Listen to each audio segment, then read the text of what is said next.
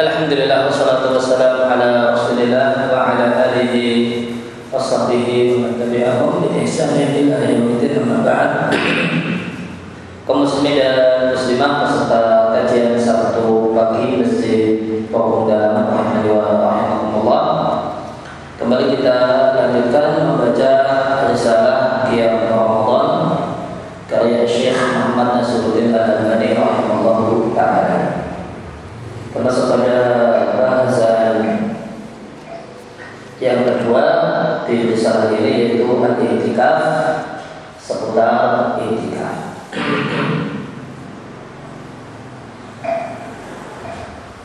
Kalau musannif rahimahullah taala masyru'iyatuhu disyariatkan yang i'tikaf. I'tikaf adalah sunnatun satu hal yang dianjurkan di bulan Ramadan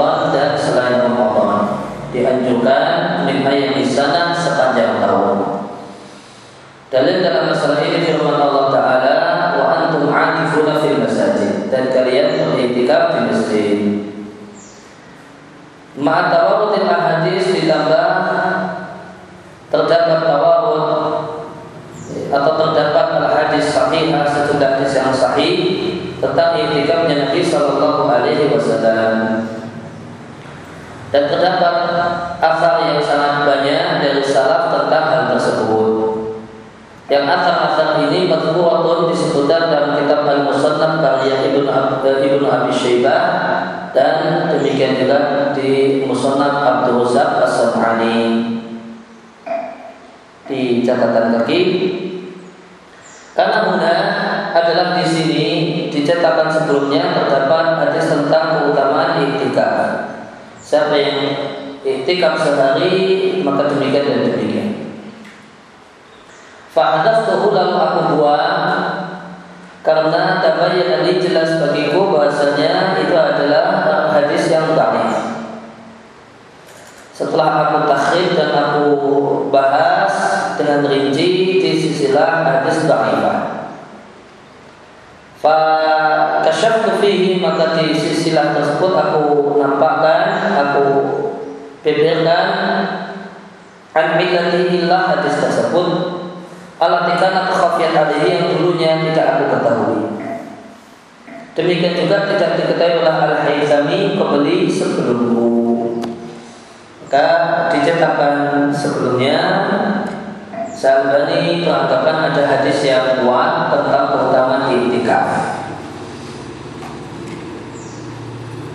Namun setelah itu dan ilmu itu berkembang seiring tambah banyak membaca, mentelaah, diskusi, maka kemudian beliau mengetahui bahasanya dan menyadari kalau hadis tersebut adalah hadis yang lemah.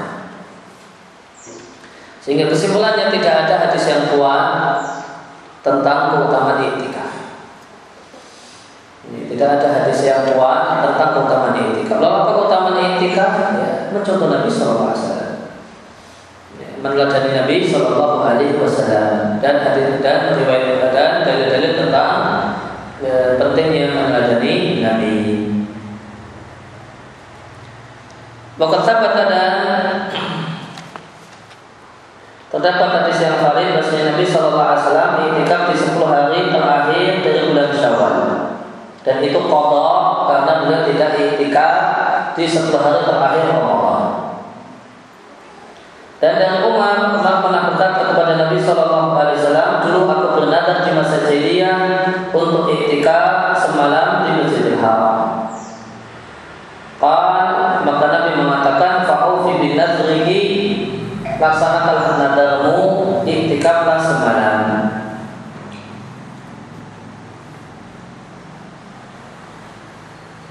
Wa akan dulu dan dianjurkannya iktikaf itu semakin ditekankan di bulan Ramadan berdasarkan hadis Abu Hurairah radhiallahu anhu kan Rasulullah sallallahu alaihi wasallam yang takifu fi kulli Ramadan adalah kebiasaan Rasulullah Sallallahu Alaihi Wasallam iktikaf di setiap bulan Ramadan selama 10 hari.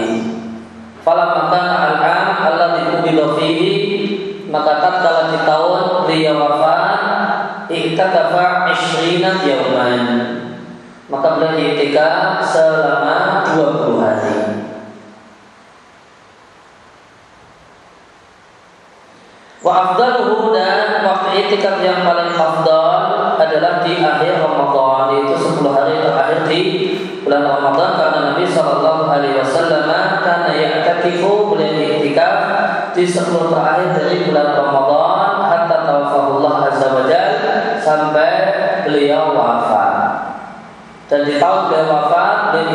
Sebanyak 20 hari. Ini menunjukkan bahwasanya ya, orang yang merasa ajalnya dekat dan menyadari ajalnya itu sudah dekat maka dituntunkan untuk meningkatkan kuantitas ibadah lebih dari keadaan sebelumnya.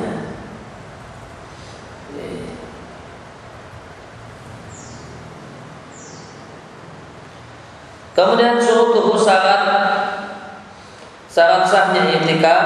Iktikaf tidaklah disyariatkan kecuali di masjid. Berdasarkan firman Allah Taala, janganlah kalian tubasyiruhunna. Janganlah kalian menggauli istri sedangkan kalian iktikaf di masjid. Waqalat Sayyidah Aisyah dan Sayyidah Aisyah yang dalam bahasa kita lebih akrab dengan sebutan Siti Aisyah eh, karena eh, dari singkatan Sayyidati kemudian jadi Siti yang tulisannya dalam bahasa Arab Sin dan Ta. Siti. Sebagaimana Sayyidi singkatannya jadi Sidi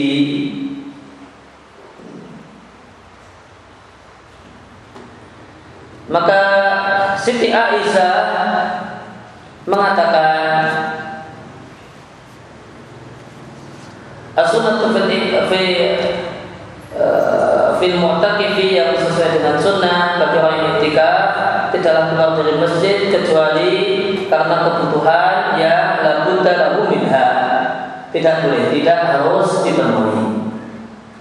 Maka orang yang iktikaf selama 10 hari Ramadan 10 hari Ramadan misalnya ya, tidak perlu membesuk orang sakit tidak pula menyentuh istrinya, tidak pula menjumpunya. Walau itikaf ila fi masjid jama'atin dan tidak ada itikaf kecuali di masjid jamaah. Masjid yang masjid jamaah itu dalam bahasa kita disebut dengan musola, langgar, tempat sholat lima waktu di dikerjakan. Bukan di masjid ya ya jarang-jarang dipakai untuk sholat lima waktu.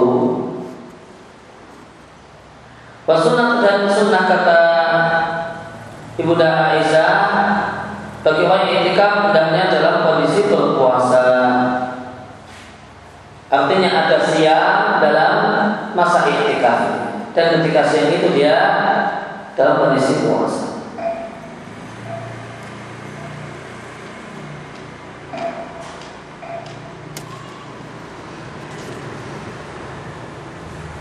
Uh, ada catatan kaki 48 jadi wala tubasyiruhunna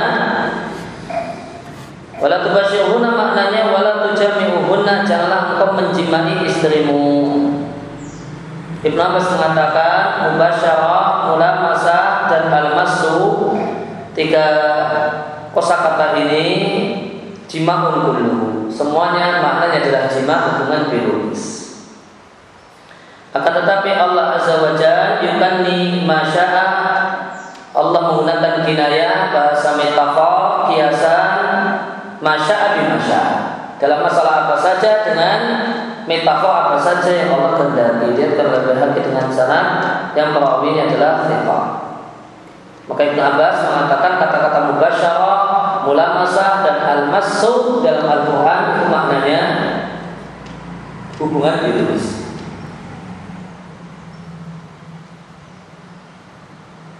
Kemudian tentang salat Al-Baqarah wala tubashiruna wa antum atifuna fil masajid. Di catatan ke-49 dikatakan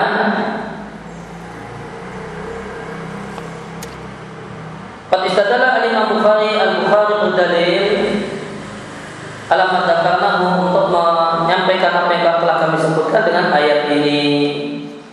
Bahasanya tempat itikaf dalam masjid. Bukhari berdalil dengan ayat ini. Al-Hafidh Ibn Hajar menjelaskan sisi pendalilan wajib istidlal atau wajib dalalah dari ayat ini Lau soha seandainya boleh selain masjid untuk itikaf Lam yakhusah tentu Allah tidak akan mengkhususkan haramnya ya, mubasyarah bihi ya, tentu Allah Subhanahu wa taala tidak akan mengkhususkan masjid secara khusus untuk pengharaman mubasyarah hubungan suami istri. Dia najimah munafil al-i'tikaf bil Karena jima itu meniadakan dan membatalkan itikaf dengan ijma baik di masjid ataupun bukan masjid tempatnya.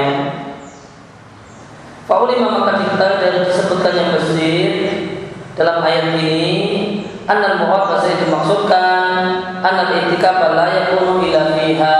Bahasa itikaf tidaklah sah Dan tidaklah diadakan kecuali di masjid.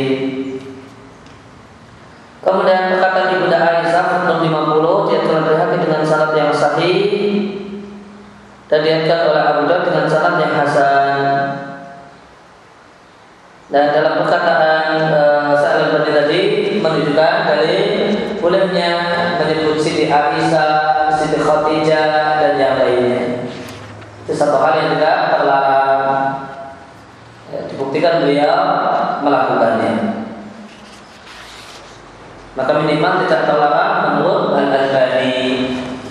meskipun perlu diketahui bahasanya istilah sayyidah untuk para suami ya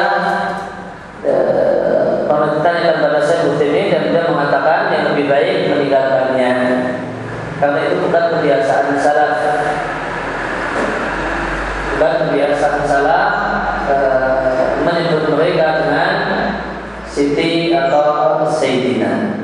Sayyidina Umar bin Khattab, Sayyidina Abu Bakar dan seterusnya. Namun seandainya ada orang yang melakukannya, maka mengapa sebagaimana di sini. Kemudian kalau kita lihat di uh, perkataan Ibunda Aisyah tadi, dan cuma mensyaratkan masjid jamaah.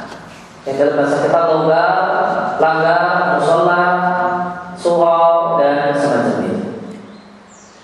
Kemudian di poin selanjutnya sepatutnya hendaknya masjid tersebut dan masjid jami, masjid yang dipakai untuk sholat jemaah. Alasannya Likala yutara supaya orang yang itikaf tidak terpaksa keluar dari masjid jamaah untuk sholat jumat di masjid jami. Karena tentu khusus keluar lah untuk sholat jumat adalah kewajiban orang yang itikaf di masjid jami. Dan orang yang itikaf di masjid jamaah menimbang perkataan Ibunda Aisyah dalam satu riwayat ada dari Ibunda Aisyah dalam hadisnya wala i'tikaf ila fi masjid jami'in tidak ada i'tikaf kecuali di masjid jami' catatan kaki 51 diatkan lebih haki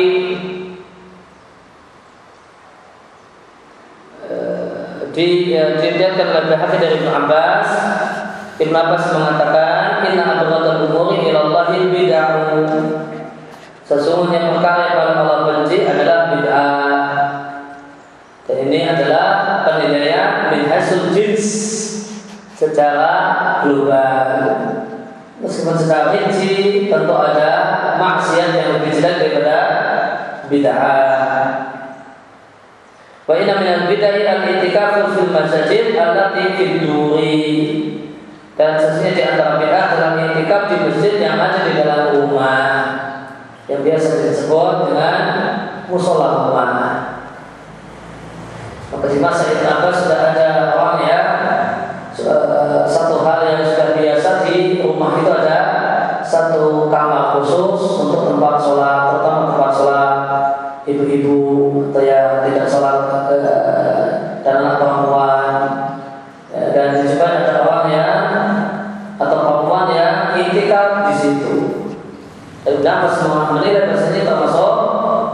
bid'ah satu hal yang tidak dituntunkan dan satu hal yang dibenci oleh Allah Subhanahu wa taala karena intikaf itu di masjid.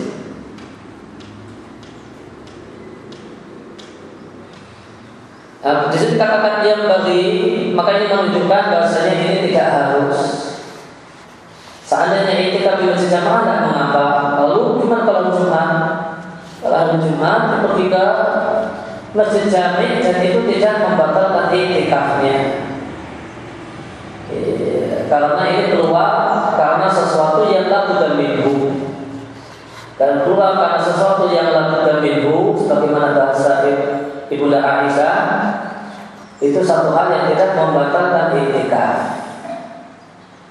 Baik laku dan minggu itu dari sisi syariat atau dari sisi hajat manusia. Hajat manusia kencing, ya, kencing keluar dari masjid kencing ini tidak membatalkan itikaf. Atau dalam minggu dari sisi syariat karena di itikaf di masjid jamaah maka dari Jumat ke jam 11 bisa dia pergi selesai. Sholat Jumat sudah kemudian kembali pulang ke tempat itikafnya. Dan itu tidak membatalkan itikaf itu tidak membatalkan itikaf karena ini adalah surut yang la buddha lahu minha. Sesuatu yang tidak harus tidak boleh tidak harus dilakukan.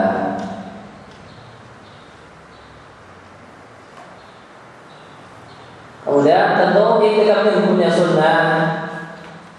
Dan siapa yang dan punya kemudian ikatan kerja dengan orang lain, banyak karyawan dan sebagainya, maka tentu melaksanakan amanah sebagai seorang karyawan itu satu hal yang wajib dan wajib harus didahulukan daripada hal yang sunnah. Maka ya, Itikaf disebut jadi alasan untuk bolos kerja. Kemudian cuma wakaf ala hadis yang sahih yang sahih dan aku mendapatkan hadis yang sahih dan tegas yang mengkhususkan masjid yang disebutkan dalam ayat di atas hanya untuk tiga masjid saja. Itu Masjidil Haram, Masjid Nabawi dan Masjidil Aqsa yaitu sabda Nabi Shallallahu Alaihi Wasallam la itikaf illa fil masjid salata. Tidak ada itikaf kecuali dalam kecuali di tiga masjid. Catatan buku nomor dua diatkan oleh Al-Tuhawi dan Al-Ismaili serta Bayhaqi kata Al-Albani dengan sanad yang sahih dan Hudzaifah bin Yaman radhiyallahu anhu. Jadi telah ditafsir di silsilah sahihah Ma'al asar ditambah asar al-muwafiqah lahu yang mencocokinya mimma dzakarnahu a'lahu yang telah aku sebutkan a'lahu di atas wa kulluha dan semua asar di atas adalah sahihah asar yang sahih Waqat qala bihi dan berkata dengannya bahasanya itikaf itu hanya di tiga masjid fi talaqtu dalam telah yang aku lakukan ini adalah pendapat Uzair bin Yaman sebagaimana perawi hadis Sa'id bin Musayyib, uh, Musayyib dan apa dan asal dari salah tiga ulama salaf ini kata Al-Bani di catatan kaki tadi sahih. Ila akan tetapi anak kalau atap tidak menyebutkan Masjidil Aqsa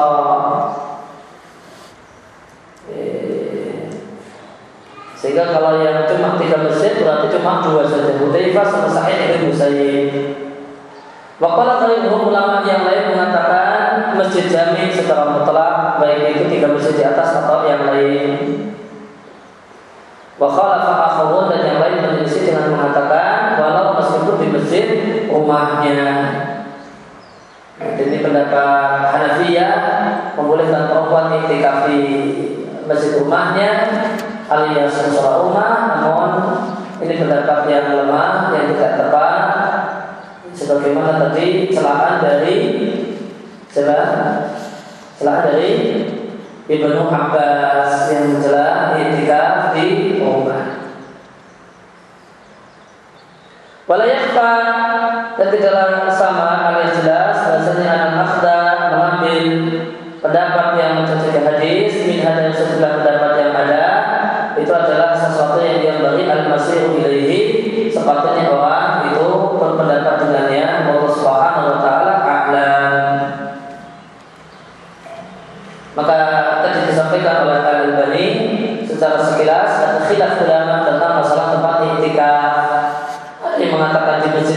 belum bisa untuk wanita atau kemudian masjid jami pendapat Ibunda Aisyah masjid jamaah itu pun sudah sah pendapat Udzaifah ya, Ibn Yaman harus tiga masjid namun eh, dan pendapat yang dipilih oleh Al-Albani pendapat terakhir yang dipilih oleh Al-Albani ketika sah di tiga masjid saja dengan alasan karena hadisnya sahih.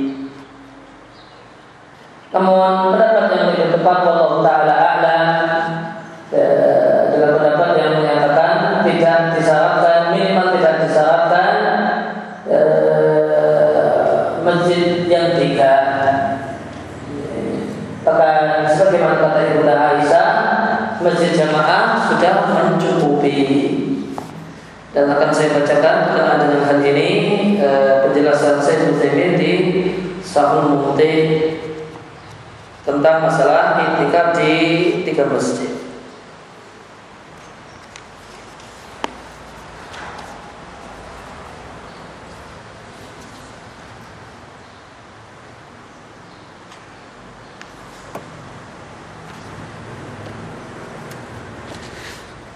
Dia mengatakan saya Utsaimin di Syarah mengatakan hal berdasarkan hal ini maka etikaf dianjurkan setiap waktu di semua masjid. Maka semua masjid di dunia ini adalah tempat untuk etikaf dan etikaf tidak khusus di tiga masjid. Sebagaimana diriwayatkan tersebut dari Hudzaifah bin Yaman radhiyallahu anhu, Nabi Shallallahu alaihi wasallam mengatakan tidak ada etikaf kecuali di masjid yang tiga. Kata pendapat yang dipilih oleh Syekh Utsaimin, fa inna hadzal hadis dhaifun. Hadis ini adalah hadis yang lemah. Jadi hadisnya hadis ini pun diperselisihkan. Ya, di sini di sini pun diperselisihkan. Uh, sahih atau dhaif. Dan yang benar menurut Syekh Utsaimin ini dhaif. Wa yadullu ala dhafi dan di hal indikator yang menunjukkan lemahnya adalah Ibnu Mas'ud wahnahu menilai lemahnya hadis ini ketika Hudzaifah bin Yaman menyampaikan kepada Ibnu Mas'ud. Hudzaifah menyampaikan kepada Ibnu Mas'ud ada sebuah orang yang itikaf di masjid di antara ya, atau di dekat rumah Hudzaifah, di antara rumah Hudzaifah dan rumah Ibnu Mas'ud. Kalau datanglah Hudzaifah kepada Ibnu Mas'ud mengunjungi Ibnu Mas'ud, kemudian lapor saya sekelompok orang itikaf di masjid A pada Nabi Shallallahu Alaihi Wasallam mengatakan la itikaf ila fil masjid salata. Tidak ada itikaf kecuali dalam masjid. Maka Ibnu Mas'ud radhiyallahu anhu kemudian mengatakan la'allahum asabu fa wa dzakaru fa nasita. Ya, boleh jadi dari bahasa halus untuk menyalahkan bahasa halus untuk menyalahkan boleh jadi mereka benar dan engkau salah mereka ingat dan engkau lupa. Ya. Sababul Mu'ud yang lengkap semacamnya diajarkan oleh Abdul Razak dan Ibnu Abi Syaibah dalam Musannaf. Maka Ibnu Mas'ud menilai lemah hadis ini, hadis yang dibawakan oleh Hudzaifah dari sisi hukum, kandungan, dan dari sisi fikih, dari sisi riwayat. Dari sisi kandungannya, Ibnu Mas'ud mengatakan, jangan-jangan mereka benar dan kamu yang salah paham. Mereka yang benar pemahamannya dan kau yang salah paham. Dari sisi riwayat mereka ingat dan kau lupa. Dan orang itu memang jadi sasaran lupa. Wa hadal hadis dan seandainya hadis ini sahih, maka yang dimaksudkan adalah tidak ada itikaf yang sempurna. Yang tidak uh, artinya itikaf di tiga masjid ini itu yang wa afdalu lebih sempurna dan lebih utama dibandingkan itikaf di masjid yang lain. Sebagaimana sholat di tiga masjid ini lebih utama daripada sholat di masjid-masjid yang lain. Alasan kalau seandainya sahih maknanya adalah afdaliyah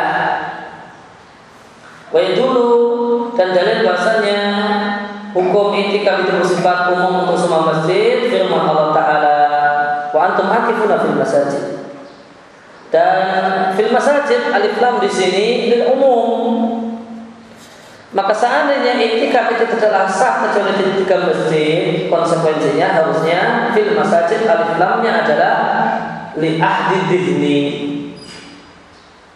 Li ahdi dihni. Ya, berarti hendak langsung connect kepada masjid tertentu.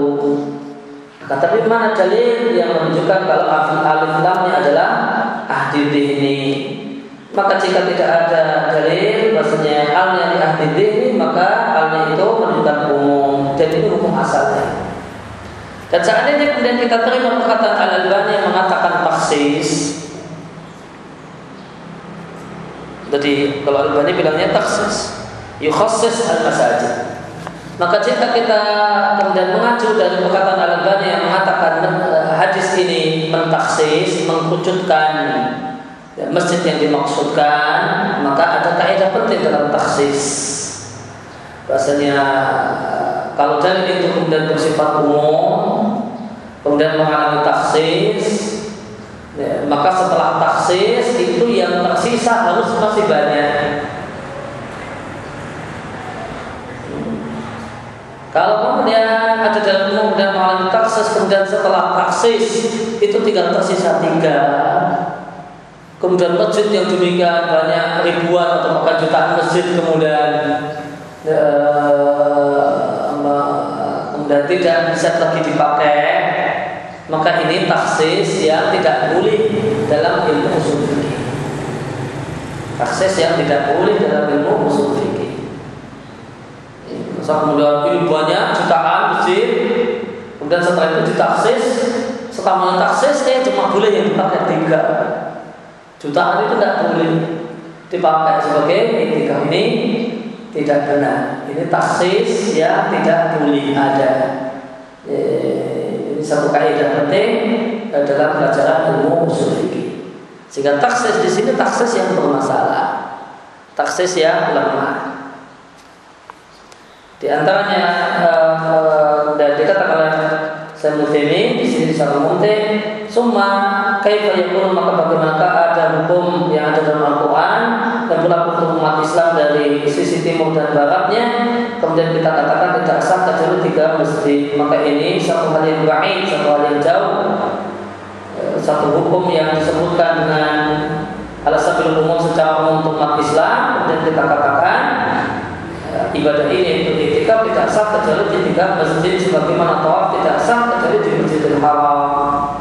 Oleh karena itu maka yang benar annahu amun ajaran etika itu bersifat umum di semua masjid. Akan tapi tidak dilakukan karena etika di tiga masjid itu yang lebih utama. Sebagaimana sholat di tiga masjid itu yang lebih afdol. Maka tegas berdasarkan alasan yang tadi kita sampaikan ya,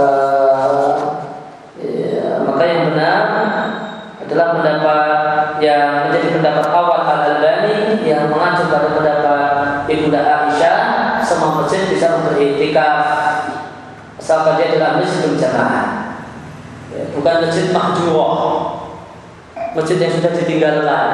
Ya, masjid yang sudah ditinggalkan yang sudah tidak lagi dipakai.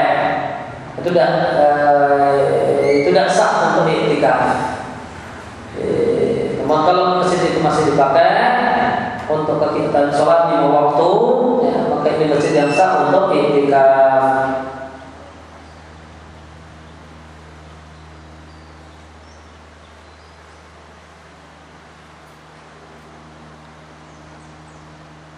Dan e, perlu diketahui juga e, kaidah banyak fuqaha, banyak ahli fikih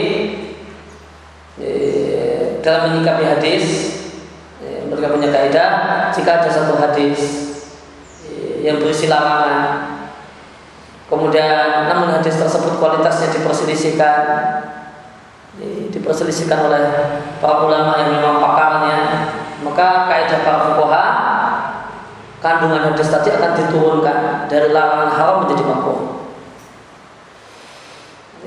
menimbang khilaf ya dinilai kuat untuk status sebuah hadis. Demikian juga ada hadis ya e, kontennya menunjukkan hukum wajib.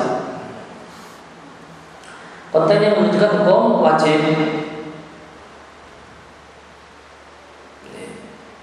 Namun hadisnya diperselisihkan kualitas dengan perselisihan yang kuat, dinilai kuat, maka kaidah para ulama fikih, maka kandungan hadis tersebut akan diturunkan dari wajib menjadi anjuran menimbang khilaf. Maka kalau pakai sudut pandang uh, sudut pandang kaidah ini kita pakai ke hadis tadi tidak sah, maka menunjukkan haram. Itikaf di selain tiga masjid. Namun ini hadisnya diperselisihkan. Hadisnya diperselisihkan. Dan perselisihan perselisihan yang kuat maka hukum haram tadi turun. Ya, harus keharusan di tiga masjid tadi turun. Jadi anjuran di tiga masjid. Anjuran di tiga masjid. Afdaliyah di tiga masjid tersebut. Itu sudut pandang yang lain hasilnya sama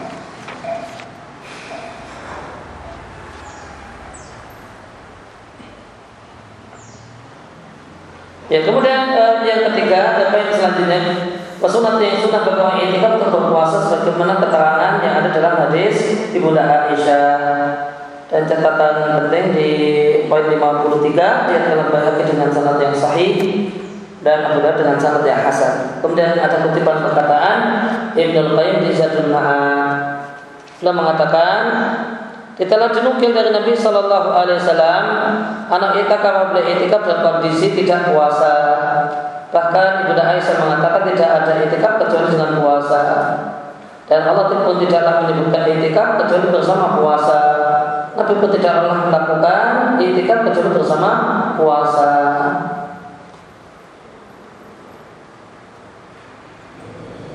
Kalau wajib maka pendapat yang lebih kuat Fidalil dari sisi dalil adalah pendapat jumhur salah Bahasanya puasa adalah syarat sah itikaf dan ini pendapat yang dikuatkan oleh Syekhul Islam Abu Abbas bin Taimiyah rahimahullah taala. Ya, maka terdapat perselisihan ulama apakah puasa itu syarat sah iktikaf. Ya, alasan ulama yang Ibnu Qayyim. Namun perlu diketahui yang mengatakan itu bukan syarat juga bukan tanpa alasan iktikafnya Umar. Nabi katakan e, penuhilah nadamu iktikaflah semalam di Masjidil Haram dan tentu tidak ada puasa di malam hari. Kemudian ditambah Nabi iktikaf di bulan Syawal. Wazahir kemungkinan yang lebih mendekati meskipun tidak pasti Nabi tidak puasa. Ini alasan ulama yang mengatakan ini puasa bukan puasa etika. Oleh karena itu Allah Taala alam di pendapat ini lebih tepat dan lebih kuat. Bahwasanya puasa ketika etika adalah afdaliyah yang terbaik dianjurkan. Seandainya orang itu tidak uh, etika tidak dalam kondisi puasa karena etikanya di malam hari Bagaimana etika yang berkembang di Jogja dan daerah yang lain, etika malam hari, uh, maka ya itu tidak sah menurut al kaul bahkan di jumhur salaf uh, tidak sah sebagai etika karena tidak ada puasanya. Ya, tapi kalau ada puasanya harus bersiang ya, atau minimal satu siang sehingga dalam kondisi puasa. Kalau etikat malam hari ala kaul jumhur salaf tidak sah. Menurut jumhur kalau masalah itu tidak sah. Namun, uh, namun berdasarkan dua alasan yang tadi kita sampaikan, eh, maka perkataan Ibu Aisyah wala itikafa tidak ada itikaf kecuali dalam kondisi berpuasa itu adalah lebih baik afdaliyah. Nah, afdal puasa itu adalah itikaf dalam kondisi puasa. Untuk kemudian aku katakan Al-Albani mengatakan yang terletak alaihi dan konsekuensi dari pendapat ini, pendapat jumhur salaf tidaklah disyariatkan bagi orang yang bersengaja pergi ke masjid untuk sholat atau yang lain untuk berniat iktikaf selama dia berada di masjid. Dan inilah yang ditegaskan oleh Syekhul Islam Ibnu dalam kitabnya di kitab Al-Ikhtiyar. Kemudian ma yajuzu lil mu'takif yang hal-hal yang dibolehkan bagi orang yang iktikaf. Dibolehkan bagi orang yang iktikaf untuk keluar dari masjid jika untuk buang hajat atau mengeluarkan sebagian anggota badan dari masjid. Semisal mengeluarkan kepala dari masjid. Sebagaimana Nabi Wasallam mengeluarkan kepalanya dari masjid dan begitu keluar dari masjid langsung masuk di rumah Aisyah salah untuk kemudian dikramasi dan disisiri oleh Ibunda Aisyah. Dan Ibunda Aisyah ketika itu dalam kondisi haid. Sebagaimana dikatakan oleh Ibunda Aisyah radhiyallahu anha, Wa ikana subuh Rasulullah sallallahu alaihi wasallam la yudkhil alayya memasukkan kepalanya kepada aku bahwa mu'takifun fil masjid dan Nabi sedang itikaf di masjid wa ana fi hujrati dan aku di kamarku. Fa uwajiluhu lalu aku sisir. Dalam riwayat yang lain aku bersihkan aku ya, aku kamasi. Wa inna baini wa bainahu dan pembeda antara aku dengan Nabi adalah lakut batul ba, batul ba. Khutbatul Ba itu kayu ya, yang untuk jadi pintu. Ya, maka tentu normalnya pintu ada demikian, ada kayu yang uh, untuk jadi pintunya. Yang nanti kayu ini kemudian dipasangi nanti daun pintu. Ya kusennya. Nah itu khutbatul Ba bahasa Arabnya.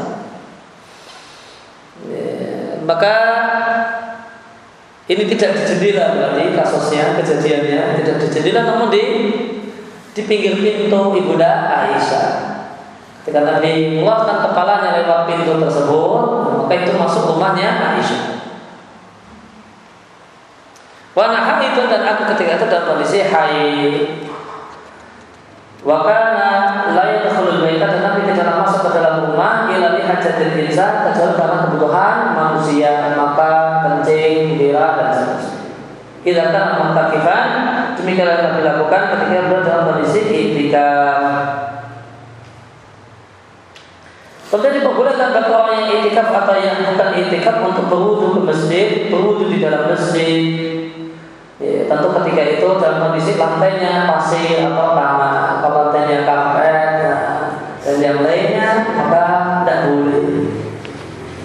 Jika lantainya pasir tanah sebagaimana masjid Nabi di zaman Nabi, ya, maka tentu tidak mengapa berwudu di dalam masjid. Yang tidak boleh adalah kencing di dalam masjid. Yang berwudu dalam masjid tidak apa-apa. Berdasarkan perkataan seorang yang melayani yang pernah melayani Nabi Shallallahu Alaihi Wasallam, tawadhu Nabi Shallallahu Alaihi Wasallam di masjid Nabi Shallallahu Alaihi Wasallam pernah berwudu di masjid, kan karena di masjid wuduan khafifan, wudu yang ringan, artinya tidak memasukkan air yang puhulu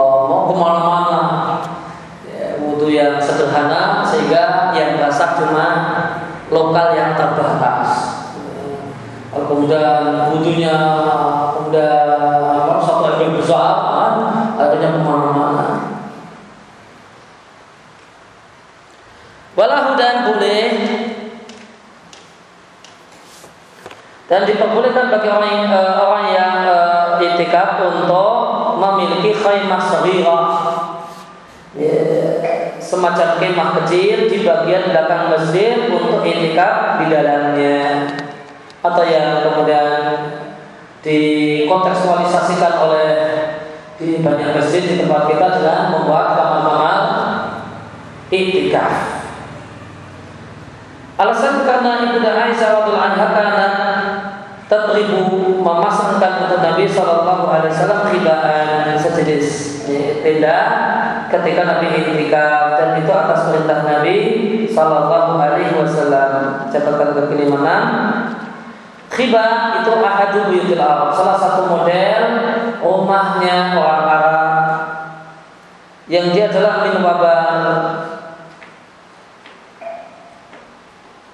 Wabal itu kulit unta. Ausufin atau suf, suf tentu kulit eh, kambing. Ya, maka itu tenda yang terbuat dalam kebiasaan orang Arab terbuat dari kulit unta atau kulit kambing. Walaupun min sya'ar eh, dan bukan sya'ar sya'ar kulit sapi. Wa yakunu ala amudain atau salata yang tenda tersebut memiliki dua atau tiga tiang. Gimana kalau tenda dua tiang dia? Hmm? Tenda pramuka itu dua tiang ya? Tenda pramuka itu dua tiang. Sini kan sama dua tiang atau tiga tiang. Ya, dikutip dari Nihayat fi Gharibil Hadis.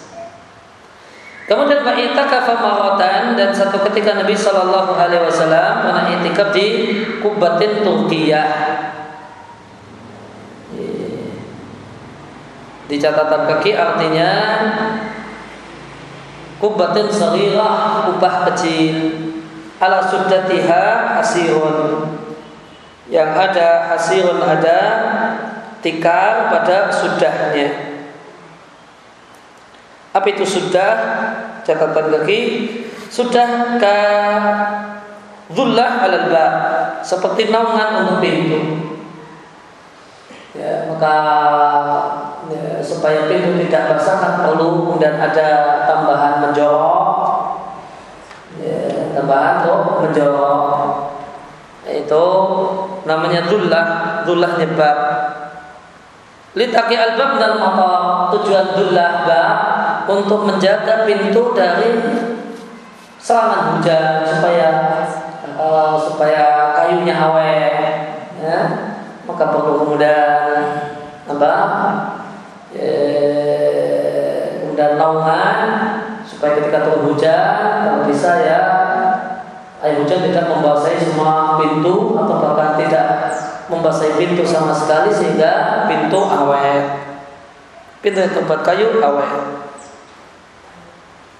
Ya maka berarti kubah ini kemudian ada pintunya. Kemudian di pintunya itu di pintunya terbuka dan ditutup pakai tika pakai hasil wal murad yang dimaksudkan bahasanya Nabi meletakkan satu potong tika di pintu kubah. Kubah itu semacam sejenis apa tenda. Li ala yaqa'a fiha nadar ahad. Supaya tidaklah masuk kepadanya pandangan siapa pun demikian perkataan as-sindi ketika ada orang lewat nggak bisa lihat apa yang ada di dalam kata Al-Albani dan yang lebih baik kita katakan supaya la yastaghillu balul muhtakim supaya hatinya orang itikaf tidak tersibukkan dengan orang yang lewat di depannya dalam rangka untuk mewujudkan maksud itikaf dan roh itikaf. Karena itikaf itu punya roh. Sholat rohnya itu adalah khusyuk.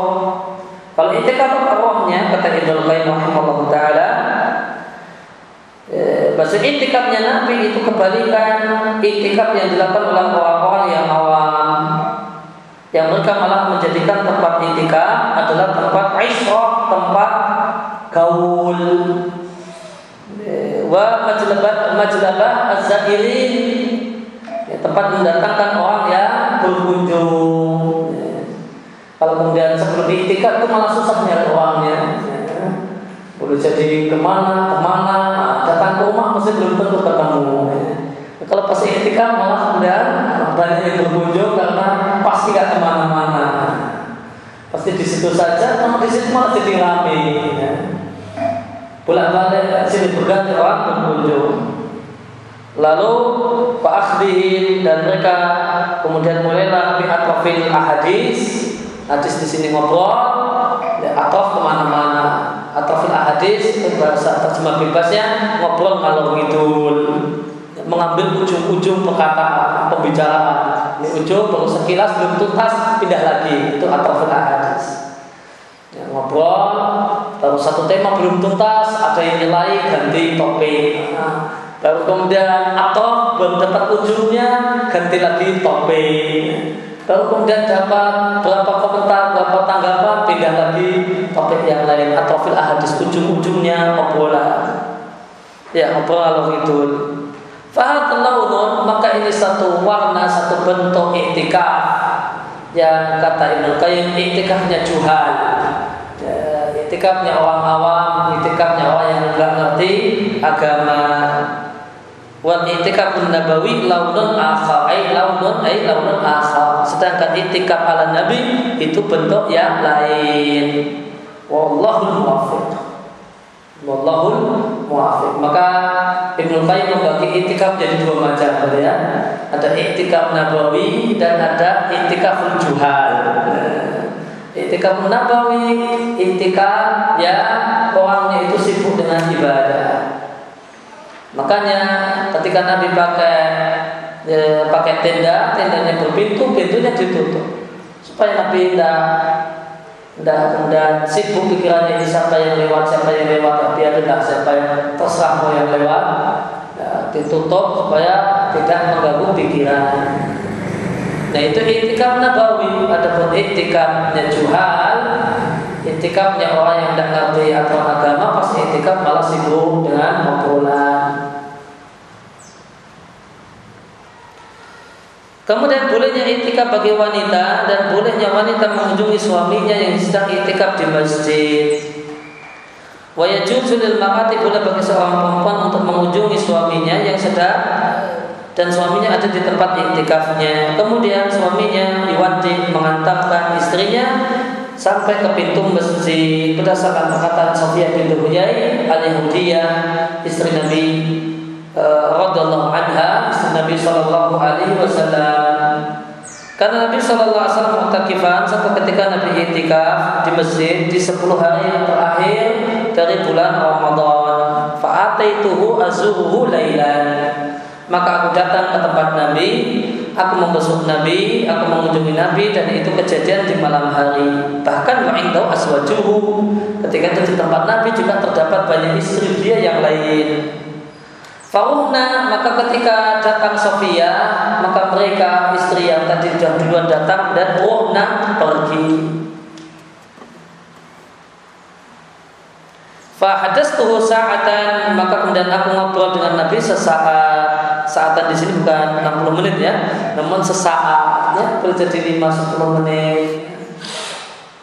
Summa kuntu li maka aku kemudian berdiri untuk pulang Faqala maka Nabi mengatakan jangan tergesa-gesa sampai aku mengantarmu pulang.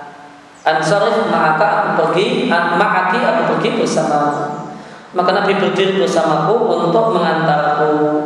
Ya, tentu sampai pintu masjid karena Nabi itikaf dan tidak sampai pintu rumah. Ya.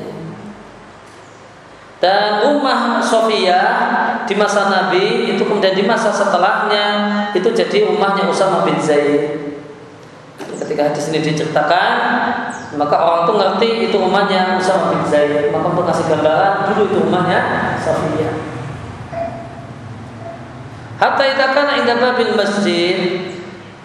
Eh, ketika sudah di dekat pintu masjid, Allah di indah babi Ummu Salamah yaitu di pintu Ummu Salamah lewatlah dua orang Ansar. Tatkala keduanya melihat Nabi Shallallahu Alaihi Wasallam, asroa keduanya mempercepat langkah. Maka Nabi Shallallahu Alaihi Wasallam menegur keduanya dengan mengatakan ala rislikuma. Ya hendaklah kalian pelan-pelan saja. Ini adalah Sofia bintu Huyai. Ini adalah istriku Sofia binti Uyai. Maka keduanya mengatakan Subhanallah ya Rasulullah. Apa yang kami punya sangka kepadamu. Maka Nabi Shallallahu Alaihi Wasallam mengatakan sesungguhnya setan e, itu berjalan di badan manusia majurga di pembuluh darahnya dan aku khawatir setan memasukkan dalam hati kalian berdua syarat bisikan yang jelek Awal syai'an atau memasukkan sesuatu pada hati kalian berdua. Di sini dijadikan Abu Bukhari Muslim dan Abu Dawud dan tambahan yang terakhir adalah tambahan yang ada dalam riwayat Abu Dawud. Nah, maka di sini dalil misalnya dan uh, satu satu hal yang wajib kita imani apa yang Nabi katakan setan mengalir di darah manusia.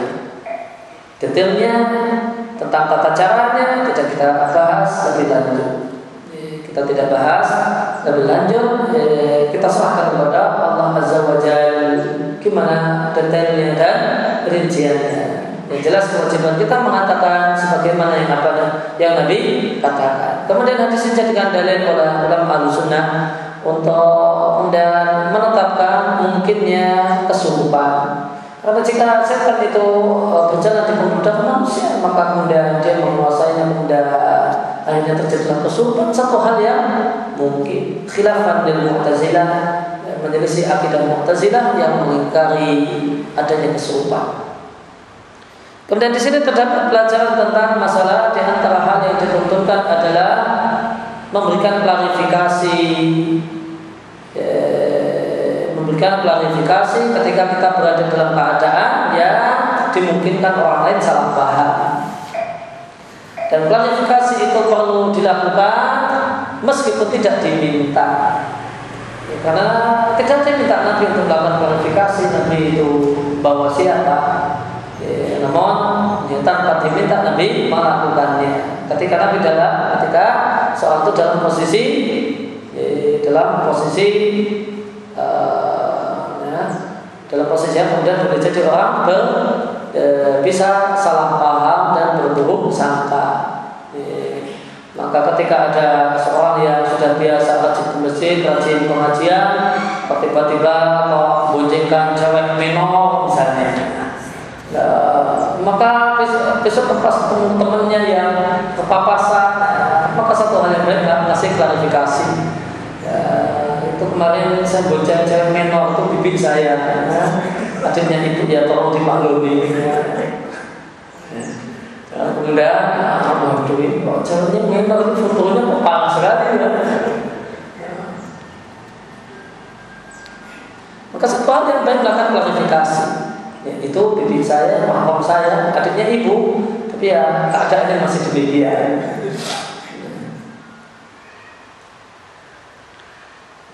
Ya kemudian hadis ini bisa kita katakan dalil bahasanya satu hal yang tidak mengapa orang lain itu tahu nama istri istri kita. Itu satu hal ya bukanlah aib ya.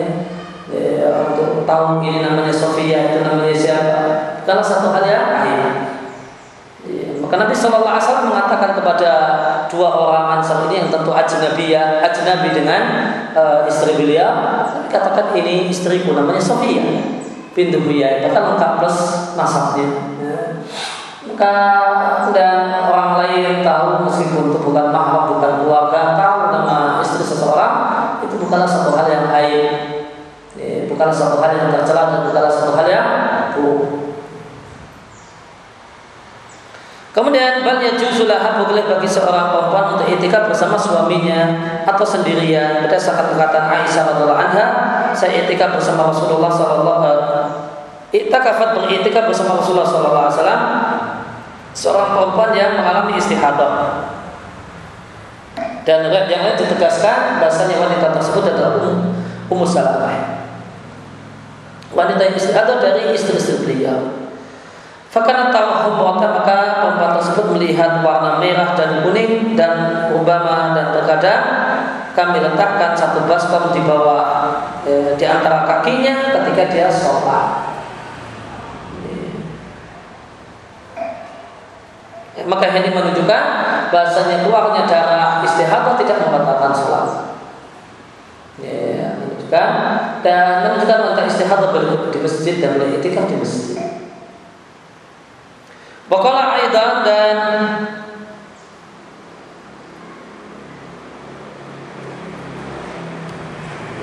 Ibunda Aisyah juga mengatakan adalah Nabi Shallallahu Alaihi Wasallam intikaf di 10 hari yang terakhir bulan Ramadan sampai beliau wafat. Thumma takafa aswaju min.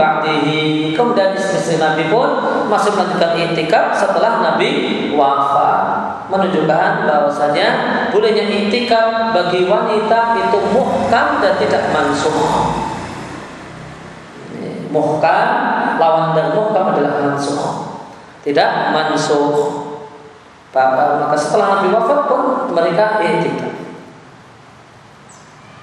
Kultu al-Albani mengatakan dan wafi dan hadis dalil bolehnya intikam bagi wanita dan tidaklah diragukan bahasanya bolehnya itikaf bagi wanita itu mukoyan itu bersyarat. Syarat yang pertama izin walinya atau suaminya. Syarat yang kedua amin fitnah. Aman dari godaan aman dari gangguan wal khulwah ma'arijal dan aman dari kondisi berduaan dengan laki-laki. Lil adilah kathirah karena banyak dalil dalam masalah ini. Dan karena kaidah fitriyah yang mengatakan dan mafasid muqaddam ala jalbil masalih. Mencegah kerusakan lebih didahulukan daripada mendatangkan maslahat. Wa yabtiluhu al-jima' dan membatalkan i'tikaf adalah jima' berdasarkan firman Allah Ta'ala di surat Al-Baqarah, "Wala tubasiruna wa antum aqifuna fil masajid." Demikian juga perkataan Ibnu Abbas, "Idza jama'al mu'takifu batala i'tikafuhu." Jika seorang yang i'tikaf itu pulang ke rumah malah kemudian mengumpul istrinya, batal i'tikafnya. Yang tentu ini dilakukan di malam hari. Kalau di siang hari batal puasanya. Jadi bahaya dan dosa besar. Wasta'nafa sehingga apa yang terjadi ista'nafa dia harus mulai dari nol. Kalau kemudian dia mau masuk masjid lagi, maka ya, dia mulai lagi dari awal. Istanafa memulai dari awal. Perkataan Ibn Abbas ini kita jumpai di Ibn Abi Syaibah dan Abdul Razak dengan sanad yang sahih. Wal murad istanafa min qawlihi istanafa dimaksud istanafa artinya ada intikafahu mengulangi niat iktikafnya. Wal kafarat alaihi dan ketika itikaf batal karena jima tidak ada kafarah padanya li ada mengurut dalika karena tidak terdapatnya dalil yang menetapkan kafarah dari Nabi SAW dan para sahabatnya. Kemudian catatan penting berkenaan tadi eh, tadi kita membaca boleh orang yang itikaf itu punya tenda atau kamar-kamar? Maka ini di, di masjid sebagai kamar-kamar itikaf ini pun juga bersyarat manakala masjidnya longgar manakala masjidnya longgar. Jika kemudian gara-gara kamar-kamar itikaf itu mengurangi space salat berjamaah eh, sehingga kemudian banyak orang yang tidak dapat tempat harusnya dapat tempat maka kamar-kamar uh, itikaf satu hal yang terlarang. Ya. Kemudian uh, saya banyak menutup bukunya dengan Subhanaka Allahumma bihamdika asyhadu an la ilaha illa anta astaghfiruka wa atubu ilaik. Dan demikian dengan demikian selesai eh, bacaan dan telah kita untuk Qiyam Ramadan karya Muhammad Nasruddin Al-Albani rahimahullah taala. Yang hakikatnya adalah ini buku ini adalah ringkasan dari buku beliau yang judulnya Suratul Tarawih. Ya, demikian. Sallallahu alaihi Muhammadin wa ala alihi wasallam. Wa alhamdulillah alhamdulillah alamin. Allahumma alimna wa zidna ilma. Dan kita beri dalam 5 atau 10 menit. Kemudian kita lanjutkan dengan masalah sawah doa